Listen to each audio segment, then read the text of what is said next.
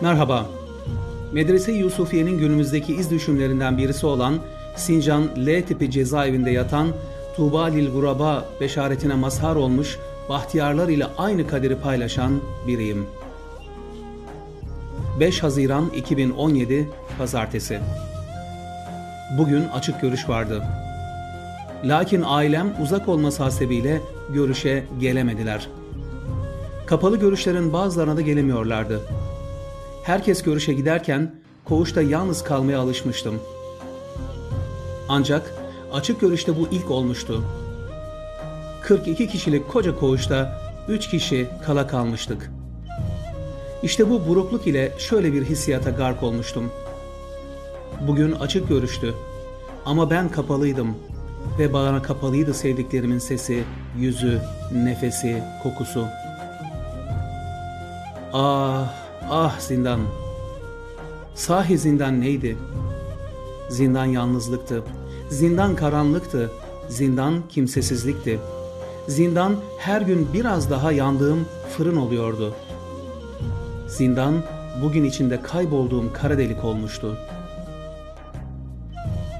Ailemin gelemeyişinin ızdırabına bir de meslekten arkadaşım 11 aydır kederde kaderdaşım, kardeşim Ahmet'in tahliye oluşuyla yalnızlığın burukluğu eklenmişti.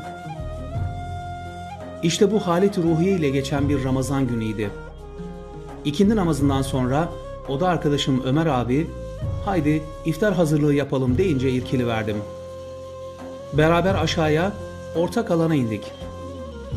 Ortak alan yemek yediğimiz, çay içtiğimiz, televizyon izlediğimiz yerdi. Aslında iftar için yemek yapmıyorduk.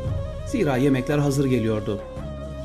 O yemeklerin ısıtılıp servis edilmesi, özene bezene ibadet neşvesiyle hazırlanan salatalar ve elbette yemek masalarının hazırlanması güzel ve ciddi bir uğraştı. Merdivenlerden inerken karşılaştığım manzara enfes idi. Herkes hummalı bir gayret içindeydi. Kimisi masaları dizayn ederken, kimisi sebzeleri yıkıyor, kimisi de elektrikli semaverde kaynayan suyun buharı üzerinde yemekleri ısıtmaya çalışıyordu. Bazıları da tabakları ve bardakları hazırlıyordu. Bu hummalı çalışmanın kerametivari yönü ise bana göre şu idi. 14 kişinin yaşaması gereken yerde 42 kişinin yaşaması. Hem de nasıl yaşamak? Hiçbir tatsızlık, karmaşa, kargaşa olmadan. Uyum içinde kardeşçe bir yaşam. 42 kişinin kaldığı koğuşta 7 oda vardı. Her oda ayrı bir grup şeklinde bir masa etrafında yemeğini yiyordu. Bu şu demekti. 7 ayrı salata yapılması ama 7 tane bıçak yoktu. Bir bıçağımız vardı. Hatta tam bir bıçak bile sayılmazdı. Koğuştaki tek bıçak ucu kırılmış tek bir meyve bıçağıydı. Evet, bu keramet değil de neydi? Kavgasız, gürültüsüz bir ortamda muhabbet ve saygı ile uhrevi bir hava içerisinde herkes bir şeyler yapıyordu. O tek bıçağı sırayla kullanıyorduk. Hazırlıklar bitmiş, sofralar kurulmuş, herkes sofranın başına oturmuştu. Ezanı bekliyorduk. Gönlümüzde huzur, dilimizde zikir, gözümüzde parıltı, yüzümüzde tebessümle.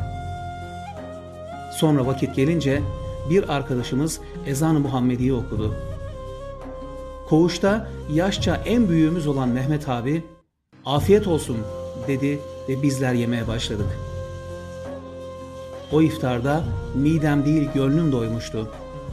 Zira sabahında hüzün ve yalnızlığın ızdırap çöktüğü gönlüme, akşamında huzur, mutluluk, sevinç ve muhabbet boğmuştu.